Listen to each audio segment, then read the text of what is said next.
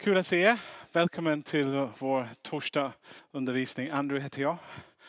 En av pastorerna. Jag har just sprungit upp för trappan och det märks. Det, det, det är bra träningstillfälle här i kyrkan. Bara trappa, trappa, trappor, trappa så man springer upp och ner. Är ni alla laddade inför jul? Ni känner inte er stressad? Jo. Jag känner inte så. Ni vet att det finns en gudstjänst här julafton klockan nio på morgonen. Och eh, efter vi har haft gudstjänst kommer vi äta också.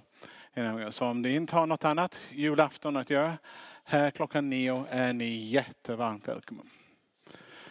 Ja. Eh, vi ska bara be över, över kvällen. Herren, jag tackar dig för tillfället igen att vara samlas i ditt namn, i ditt hus. Och, och, och vi ber din helige Ande kom och gör ditt ord levande för oss och tala till oss även från förkunnelsen men också i våra grupper. Så vi förstår mer av vem du är och mer av vem vi är i förhållande till dig. Så jag ber kom nu och gör denna kvällen som du hade tänkt. I Jesu namn. Amen. Ni två har varit riktigt pingstvänner. Ni har blivit... Eh, okej. Okay. okay. De är glada. Eh, I, I kvällens undervisning, om vi har vår eh, liten måltavla där. Ja, det är inriktat mot de människor som har börjat bli intresserade om om det finns en Gud. Och, och tanken är hur vi kan hjälpa varandra komma lite närmare Gud. Så, så undervisningen ikväll är inte först och främst riktad till, till kristna utan till de som är på väg att bli kristen eller har tänkt jag ska kolla lite grann. Du kan tänka jag är kristen, jag vill ha någonting som jag har med mig. Men det är alltid nyttigt att vad jag kommer säga nu är någonting man kan tillämpa även som kristen. Eh, det är någonting som man bygger sitt liv på hela livet faktiskt. Men eh, jag tänkte, där, rubriken för undervis, kvällens undervisning är därför är Bibeln så viktig. Eh, och jag har valt en text från Psaltaren 119, vers 105 som står Ditt ord, det är Bibeln när det står det, är mina fötters lykta och ett ljus på mitt steg. Och eh, det är vad Bibeln är, minst sagt. Någonting som hjälper oss i vår vandring och hjälper oss att eh, inte snubbla eller falla bort. Jag tänkte Speciellt om, om någon befinner sig i den fas och många människor är. Jag pratar med rätt så många under veckan. En vanlig vecka jag pratar med folk som är eh, absolut inte intresserade av Gud, som är långt borta, till de som är, börjar bli intresserade, börjar fundera och sen jag pratar mycket med folk som är redan kristna och, och, och mycket mitt jobb är det. Men jag tänker oftast när, när folk börjar få upp ögonen att det finns en Gud, det är då som det börjar bli intressant. För jag kan prata med folk om, om att det finns en Gud. Men de tänker, va? Gud? Det, det, det är inte ens på deras rader. De är inte ens på en plats var de kan hantera vad du säger. Eh, de har inte ens fått insikt av kanske, eh, kanske aldrig ställde de existentiella frågor också om varför jag finns till, finns det inte mer och sånt. De människor man kan inte göra så mycket med. Men när man kommer till den plats när man började få upp tanken och, och, och medvetenhet att kanske det finns en Gud. Om man börjar undra, under hur han är. Eller i deras språk, de kanske säger under hur hon är. Eller om vi ska prata om Gud, vad, vad, pratar vi om? Pratar vi om en maktsfär? Pratar vi om en personlig Gud? Pratar vi om någon som är långt borta eller någon som är nära? Hur vet vi hur Gud är? Och oftast en av de första saker som man börjar höra, de, de brukar säga jag tycker kanske om, man frågar, om jag skulle fråga massa olika människor, vem är Gud och vad, hur ser han ut eller vad, vad, tror han på eller hur, hur lär, känner vi honom? De alla har sina, sina tyckandet. Jag tycker han är kärlek, jag tycker han är så. Och de alla har en åsikt. Men oftast de åsikter hänger i luften. De är inte förankrat någonstans, de är en känsla, en ideal som man längtar efter. Och jag skulle säga, om vi på allvar vill veta vem Gud är, hur han är och sånt sådär. Då skulle vi, om vi är seriösa i alla fall, kolla först och främst på hur han har uppenbarat sig. Och han har uppenbarat sig i Bibeln. Och det är därför en av de första och största källor som vi går till om vi vill lära känna Gud är att kolla på Bibeln. Annars kommer vi ingenstans. Eh, och när vi har det klart för oss att det kallas för Guds ord. Eh, många kristna du kommer se att de betraktar denna boken som, som så heligt och det är det. Men utan denna bok skulle vi gå vilsna allihop. Men denna boken är en rättsnöre. Det, det är här som vi upptäcker Gud, det är här som vi lär känna honom. Och det är här som han vägleder oss också i hur vi ska leva som Kristus. Så denna boken är superviktigt. Men, men innan jag fortsätter ska jag också säga också att fienden kommer att göra vad han kan för att hindra oss att ta till oss det ordet. Så även om du, träffar någon, du har en släkt eller en vän eller någonting som börjar bli intresserad av Gud och du börjar presentera Bibeln för dem. Du kan nästan räkna att fienden kommer att säga, ja men du kan läsa Koranen också. Du kan läsa någon annan helig bok, Mormons bok eller någonting annat. Men man ser att fienden jobbar stenhårt att folk ska börja läsa andra saker som ska förvirra processen att hitta eller upptäcka Gud. Så det är en kamp utan sin like. Och jag skulle råda var och en av oss när man pratar med människor, även om vad du säger är bibliskt, det är väldigt bra om man använder Bibeln som en, en, en redskap. Så vi inte bara säger, jag tycker, ja Gud egentligen är så här. Man, man ger underlag för det, vad har Gud, Gud sagt i sitt ord? Så att man, man klär sina ord med lite auktoritet också som kommer från det. Eh, men fienden vill skapa surrogater och andra böcker, andheliga böcker som folk skulle läsa. Men det finns en, en stor skillnad mellan Bibeln och andra så kallade heliga böcker. Sånt. Jag har skrivit så här, ett gott råd. Betrakta inte Bibeln först och främst som en helig bok. Betrakta inte det främst först och främst som en helig bok, utan en bok där vi kan möta den heliga. Det finns skillnad mellan de två. Det är inte boken i sig som är den heliga. Boken är den plats där vi möter den heliga. Eh, jag använder ibland den uttryck, folk säger, men vad är Bibeln för dig? Jag säger, Bibeln för mig är en god fik.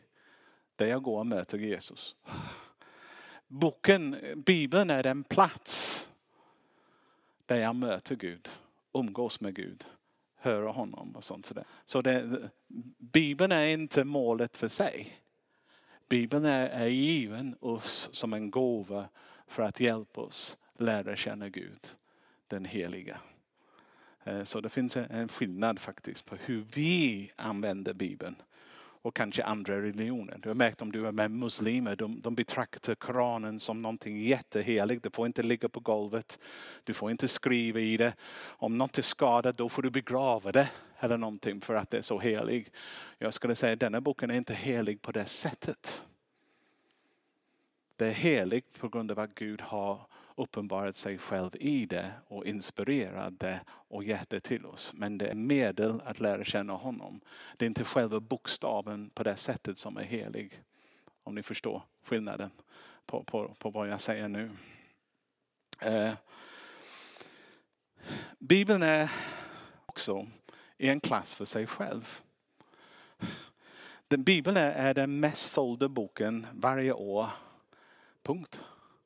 Jag tror att eh, vanligtvis var det nog 400, nej var det? Jag kan inte alla siffrorna här. 44 miljoner biblar säljs, säljs bara i västvärlden varje år. Så man kan prata om olika romaner som är årets bästsäljare. Men Bibeln är bästsäljare varje år. År efter år efter år. Det finns ingen annan bok som har kommit i närheten av Bibeln när det gäller eh, säljningssiffror och sånt. Sådär. Eh, det är den mest kraftfull bok. Eh, det är en bok som förvandlar den som läser det. Det är nästan omöjligt att ta fram Bibeln och börja läsa det och vara neutralt. När man läser det, någonting händer med dig. Och, och, och, och, du kan gå olika håll beroende på var du befinner dig i livet. Och något. Men du kommer inte bli o, ostörd eller någonting sådär. Eller o, uh, orörd. Du kommer bli på något sätt påverkad. I vår tid vi, vi upptäcker att det finns en stor intresse för den ockultiska, den onda egentligen, som Bibeln skulle beskriva det. Och många människor leker med, med ockultiska grejer som Ouija-board eller söker hemliga vägledare, alla möjliga saker som finns. De tycker det är spännande, även horoskopen. och det. De vill komma i kontakt med den övernaturliga. Det tragiska är att när man försöker kommunicera med det övernaturliga onda makter, det, det kan vara lite störande ibland. Men Gud i Bibeln erbjuder oss möjlighet att få kontakt med den goda övernaturliga makten. Att möta med den levande guden är långt mer spännande och givande och betydligt klokare än att söka kontakt med onda makterna. Det är den mest värdefulla boken. Jag ska ge en liten historia. 1980, eh, tidigt 80-talet sprider jag faktiskt biblar i Östeuropa när det är stängt. Eh, och varje sommar vi lastade olika bilar och minibussar och sånt med biblar och vi skulle köra dem till eh, Rumänien, Östtyskland och, och till och med Albanien en gång.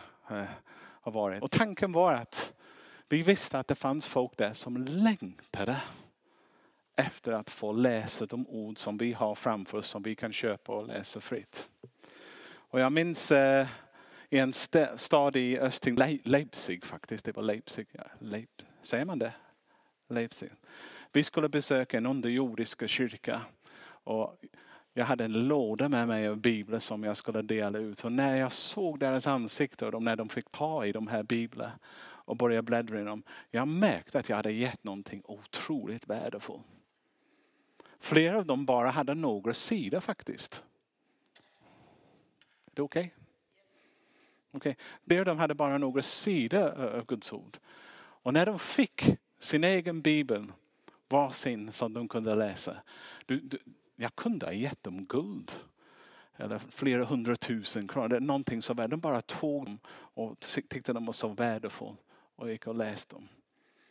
Eh, så låt oss komma ihåg att vi är väldigt privilegierade. Fortfarande finns eh, begränsningar.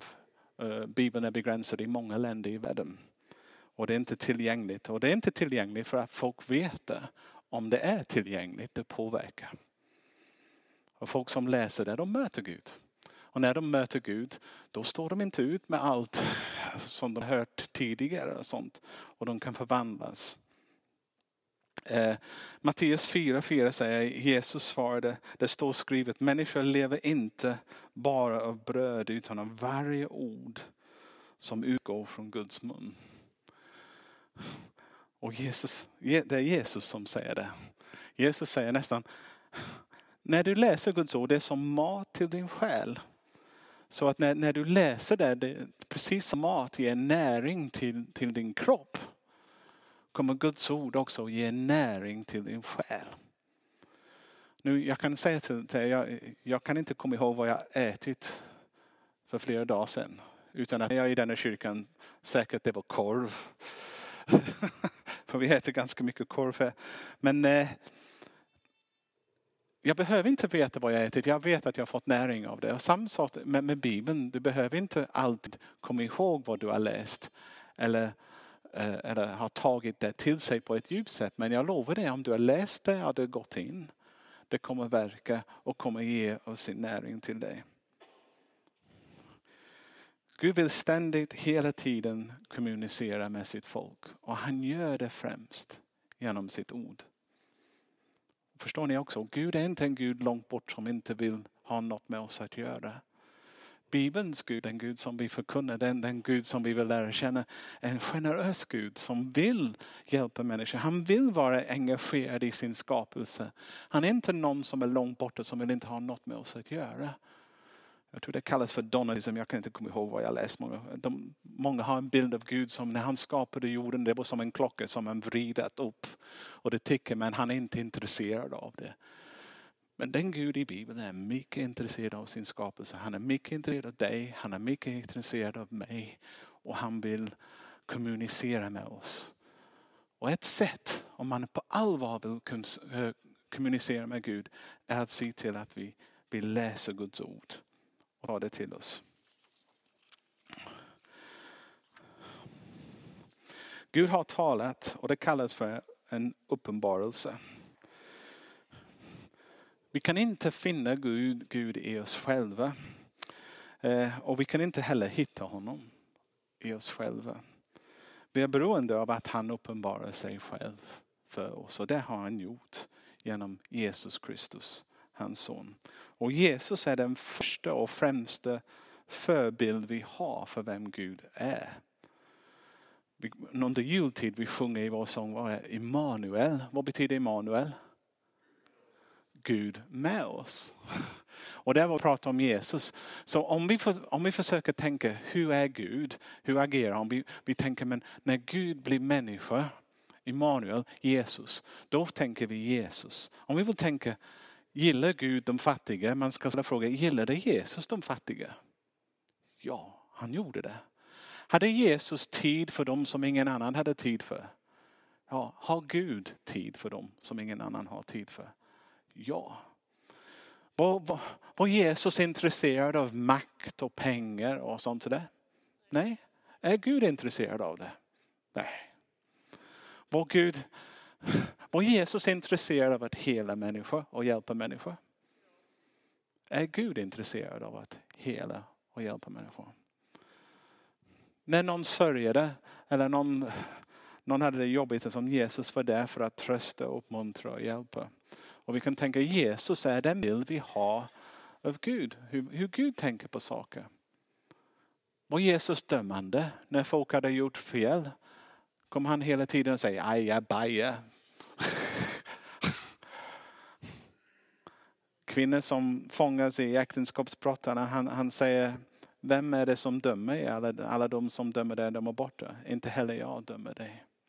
Men gå och synd inte mer. Så det är inte att han säger det är okej okay vad du sysslar med. Han bara, men han, han var så kärleksfull i sitt bemötande att folk som tidigare hade tänkt att ja, för kyrkan, dåvarande kyrkan, templet och skriftlärare och fariséerna hade målat fram en bild av Gud som var så hård, krävande som det inte var sant. Och de var inte intresserade av den Gud. Och om ni har undrat, vem har skrivit de hårdaste ord i Bibeln? Du kan läsa om dem själv i Matteus 23, tror jag, 22, 23. De kommer från Jesu mun. När han kritiserar fariseerna och skriftlärda. Man tänker, varför var han så arg mot de religiösa ledarna. Ja, han var så arg på dem för att de hade fel beskrivit Gud de hade lurat människor att tro, de, de försökte marknadsföra Gud som någon som han inte var. Och Jesus ägnar ganska mycket av hans tid att tillrättvisa dem och säga nej, så är inte Gud. Jesus är vår främsta uppenbarelse av vem Gud är. Så om du är sökande efter Gud och du vill veta hur är han? Eller hur, hur kommer jag i kontakt med honom? En av de första stopp vi har är Bibeln. Det nästa är att börja läsa om Jesus. Jag skulle säga om du läser Bibeln för första gången, börja i Matteus, Markus eller Lukas eller Johannes som handlar om Jesus. Och sen finns det, om ni är riktigt intresserade eller har någon som ställer frågor, hur kan jag veta mer om Gud? Ge dem Matteus 5, 6 och 7 som kallas för bergspredikan. Det är den undervisning som Jesus har som är den mest koncentrerad, som handlar om ja, den viktigaste av den viktigaste tycker jag. Det är ett bra sätt att beskriva det. Men om man vill lära känna Gud, man hittar honom i Bibeln och man hittar honom speciellt i Jesus. Jesus är den främsta och yttersta uppenbarelse av Gud. En annan skillnad också mellan andra religioner och krist, den kristna Alla de andra religioner, det är människor som försöker sträva sig upp till Gud.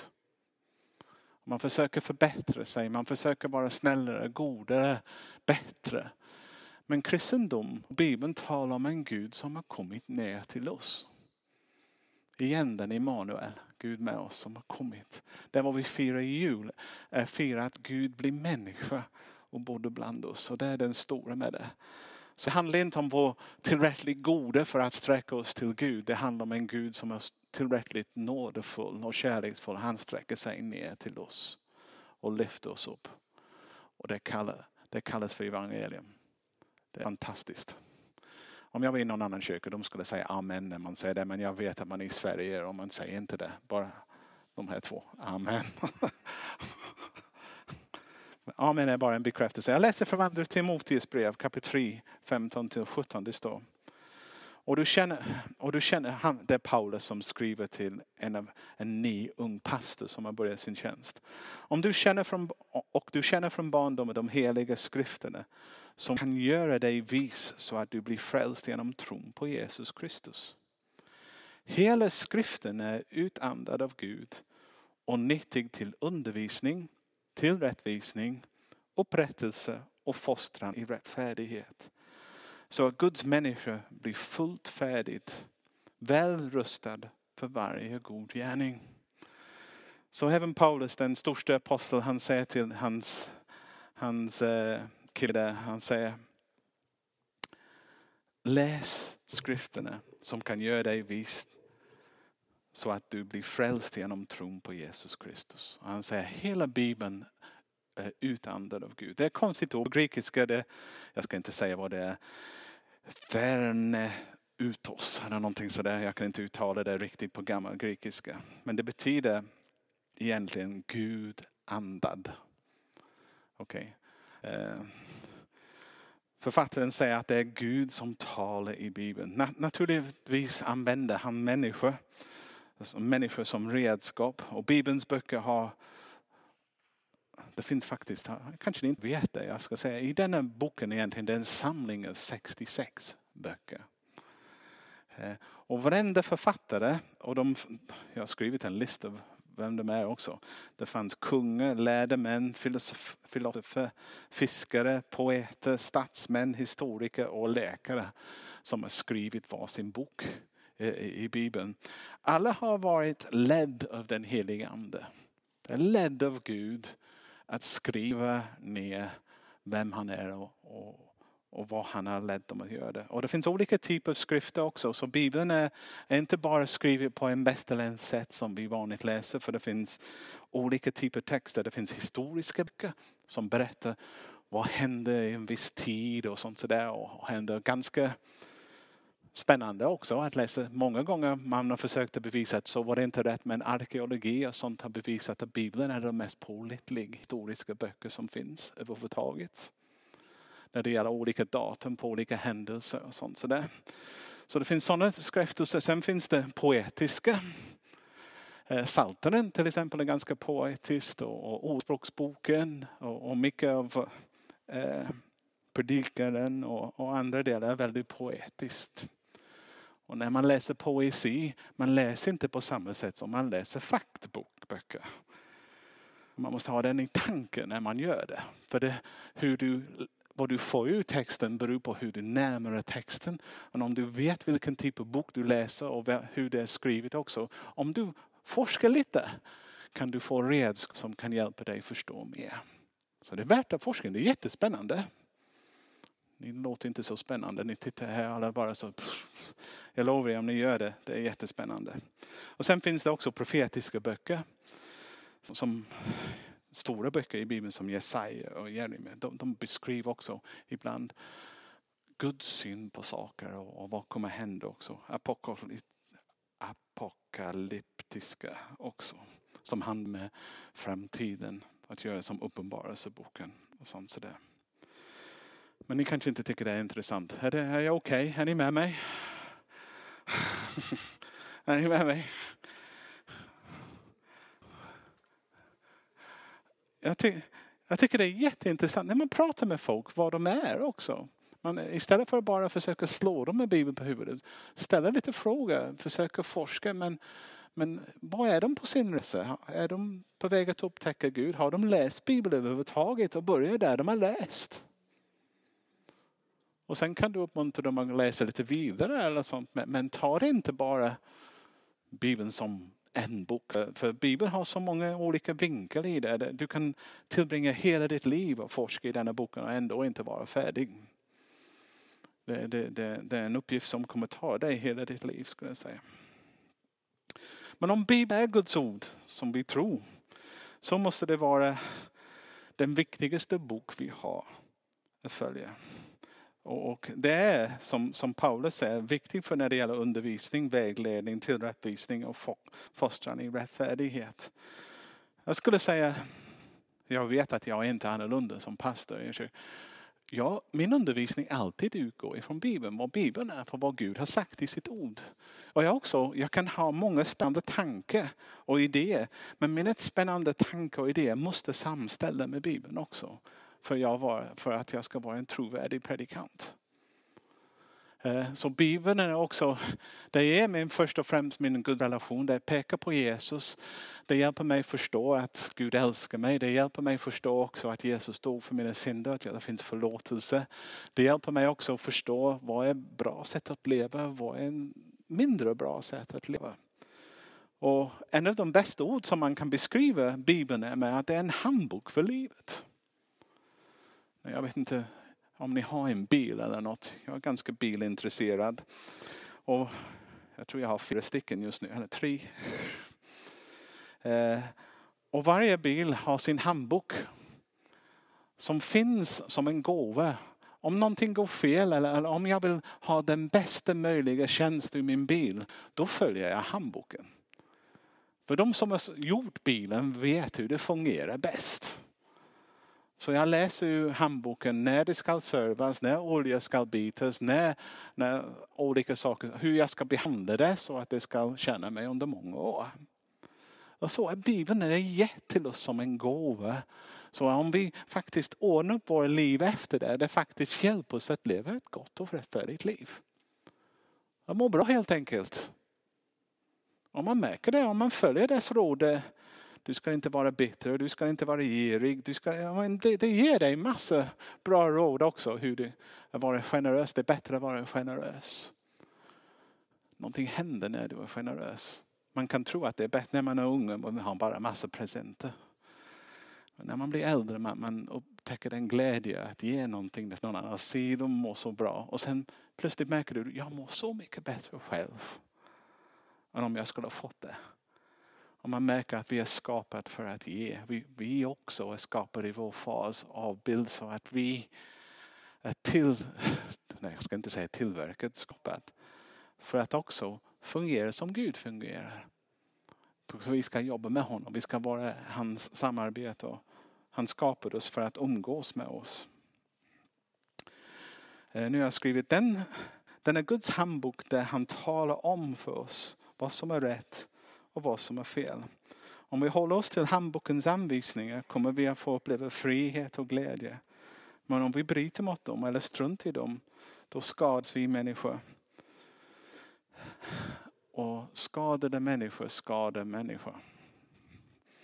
När, när jag är skadad, jag skadar andra. Eh, om jag blir bitter för att jag inte förlåtit i min bitterhet kan jag skada andra runt omkring mig också. Det går vidare, det sprids vidare. Eller om jag är hatfull, då skadar jag inte bara mig själv, men andra. Och många råd i Bibeln är ganska självklara egentligen. Man undrar varför alla folk är rädda för Bibeln om man tänker på det. Jag hade en kristendomsskola, vi kallar, vad kallar det för konfirmandundervisning. En tjej som vill gå konfirmandundervisning. Och hon sa, jag kan inte för min pappa tillåter inte det. Jag sa, vill du det? Ja, sa hon. Men min pappa, du måste prata med honom. Så jag ringde hennes pappa och han pappa sa, nej jag har inte tid. Jag sa, kan jag träffa dig bara en liten stund? Nej, nej. Men han förklarade att han var borta alla kvällar i veckan. Så, men får vi äta frukost tillsammans? Han insåg då att han kommer inte slippa mig. Så han sa, okej okay, vi äter frukost. Och han var rätt så ärligt och jag respekterade honom enormt. Han sa, så här är det, sa han till mig. Jag vill inte att du påverkar min dotter. Jag vill att hon ska vara neutral. Så jag tittar på honom i ögonen och säger, tror du att din dotter är neutral? Tror du att hon lever i ett neutralt samhälle? Jag säger, bakom ditt hus varje fredag kväll är det en en bil som kommer som langrar alkohol och sånt. Han vill påverka din dotter för att börja dricka där. Jag säger, det finns olika grupper med olika agender, medier som försöker påverka din dotter bara på ett visst sätt. Jag vill påverka henne efter Bibeln som är egentligen att respektera sina föräldrar. Välja bra saker i livet. Vara ärlig. Och eh, jag, jag vet inte vad jag sa, någonting som att vara en fin kvinna som Gud skapar henne. Men hon är inte neutral. Hon kommer påverkas. Jag vill bara vara emot påverkan till alla det som är ondsk, ond i världen. Han tittade på mig och sa, hon får gå. hon eh, gick eh, på, på den konfirmandundervisningen. Hon nu gift sig med en pastor också faktiskt. hon är en fantastisk tjej. Men, eh, och hon har varit till välsignelse för sin pappa. Även om han inte är kristen, han, han, han erkänner att han är väldigt glad för sin dotter också och de val som han gjort i livet. Men så är det. Men, men Bibeln är mer än bara en handbok. En handbok är kanske lite för begränsad att beskriva det. Den är också en kärleksbrev. Eh, Bibeln har inte bara talat en gång för länge sedan. Gud vill att vi ska leva i gemenskap med honom. Han vill tala till oss dagligen genom sitt ord. Därför är Bibeln inte bara en handbok för livet utan också kärleksbrev. Eh, jag tror, Martin Luther han, han sa så här, skriften är den vagge som Jesusbarnet ligger i. Låt oss inte inspektera vaggen så noggrant att vi glömmer att tillbe barnet. Jag läser en gång till. Skriften är den vagga som Jesusbarnet ligger i. Låt oss inte inspektera vaggan så noggrant att vi glömmer att tillbe barnet. Och jag ska säga det också. Vi är inte fundamentalister, kristna. Det är inte bokstaven som gäller. Till mig är bokstaven döda. Men anden ger liv. Vi läser Bibeln för att bygga den relation med Gud. Det är en relations äh, äh, grej, inte bokstäver. Så, så vi, vi läser inte det som en regelbok. Du får göra fel, du gör fel, Gud hatar det. Det, det är inte det. Kristna har gjort det under många år och skadat så mycket. Men det är inte det. Boken är en gåva, en kärleksbrev från en Gud som älskar oss och som vill ge oss ett liv och ett liv i överflöd. Och när vi läser det skapar tro i oss. Romarbrevet 10 och 17 står. Alltså kommer tron av predikan och predikan genom Kristi ord. När vi predikar utifrån Guds ord, det bygger tro. Det är därför när vi kommer till kyrkan, vi ska inte predika från en, en, eh, en dikt eller en sång. Vi ska läsa Guds ord. För det när vi predikar Guds ord, då växer tro i vår hjärta. Och tro är någonting man kan bygga ett liv för som bär dig och hjälper dig genom alla livets förhållanden. Det står Johannes 20 och 31, men dessa har blivit nedskriven för att ni ska tro att Jesus är Messias, Guds son för att ni genom tron ska ha liv i hans namn. Så Johannes som skrev Johannes evangeliet, han säger, jag har skrivit hela brevet för er. Syftet med min nedskrivning var att ni ska tro att Jesus är Messias. Och när ni tror på Jesus ska ni få liv, andligt liv i er själ. Och ni ska veta. Är ni med mig? Snart är jag färdig så jag, jag, ibland tycker jag synd om er när ni sitter och får lyssna till min röst hela, hela tiden. Men, eh, men om, om jag sa i början om vi undervis, den undervisning jag ger är inriktad på de som är intresserade egentligen, inte förtroende.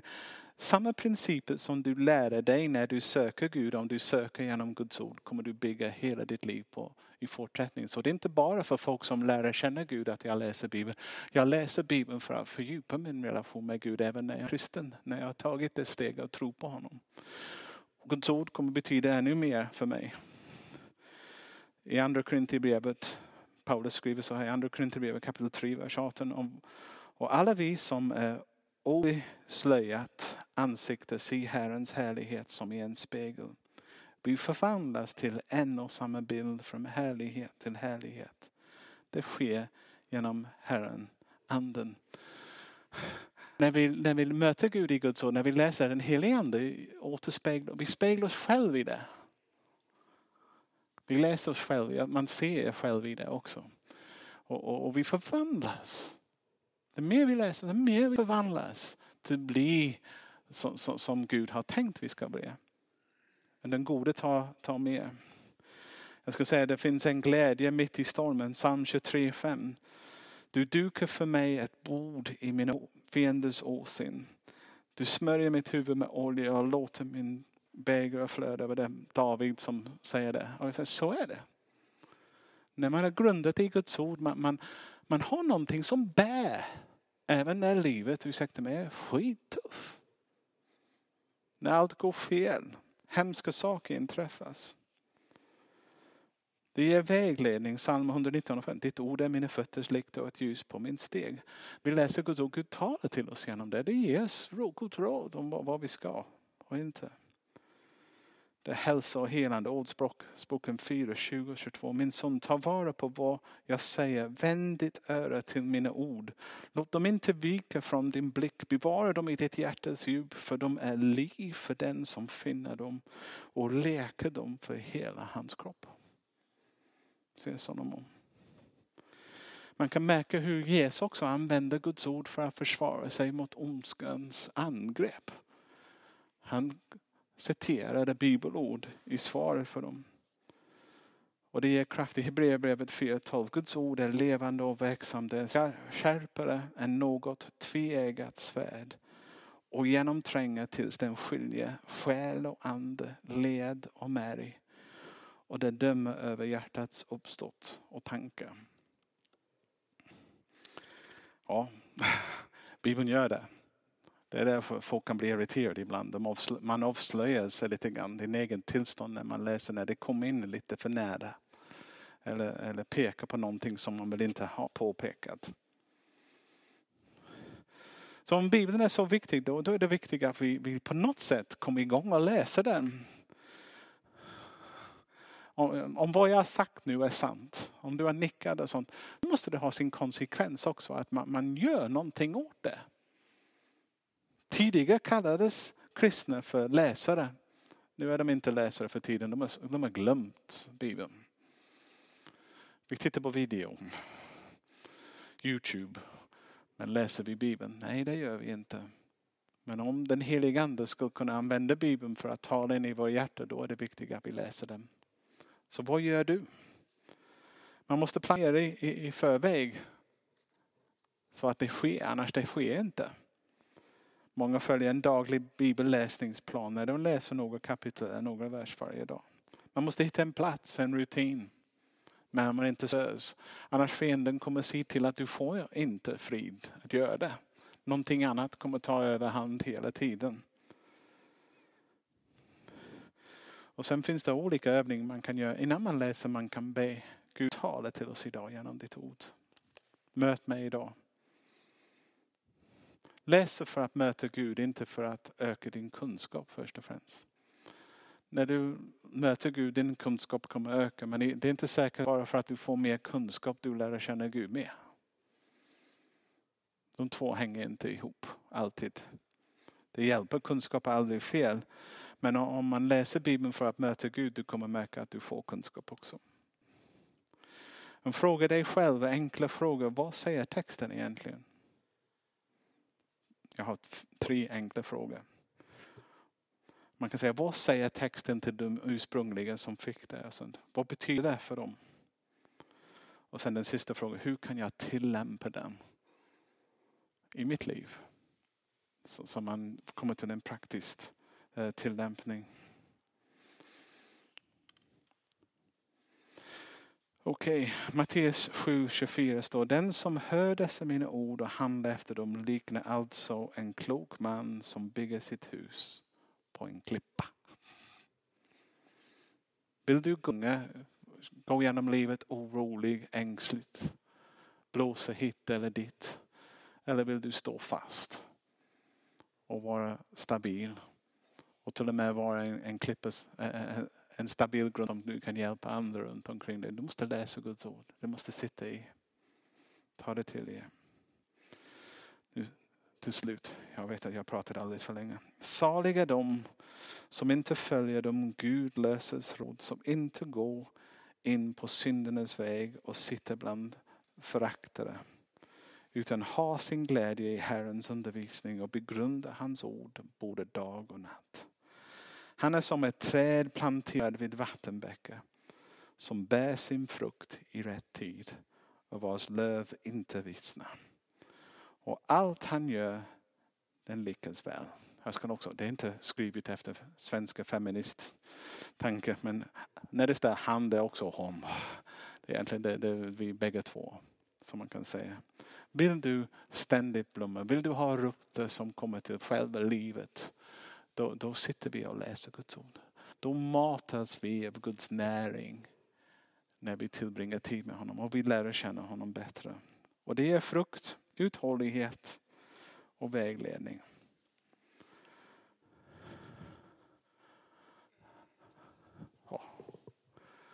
Det är en gåva. Jag tror jag har sagt det rätt. Det finns mycket mer man kan säga om Bibeln. Det finns, finns massor om det. Men, men det viktigaste är inte att vi pratar om det utan vi läser det. Och det spelar ingen roll hur enkelt du börjar eller om bara man börjar. Men om du vill lära känna Gud, ha det högt på din agenda om du vill lära känna honom mer och du kommer märka att han uppenbarar sig själv genom det. Så förakta inte den lilla boken. Bygga ditt liv på den. Ska vi be. Herren, jag tackar dig att du har faktiskt gett oss en gåva i ditt ord. Judarna de tackade dig för att de hade fått lagen. Och vi tackar dig också att vi har fått din, din inspirerad ord för att hjälpa oss hitta dig. Och jag ber att du hjälper oss förvalta den väl. Ta det till våra hjärtan och till och med dela med oss den till andra runt omkring oss. Nu ber jag när vi går i vår grupp och börjar diskutera några frågor, jag ber hjälp oss. I Jesu namn. Amen.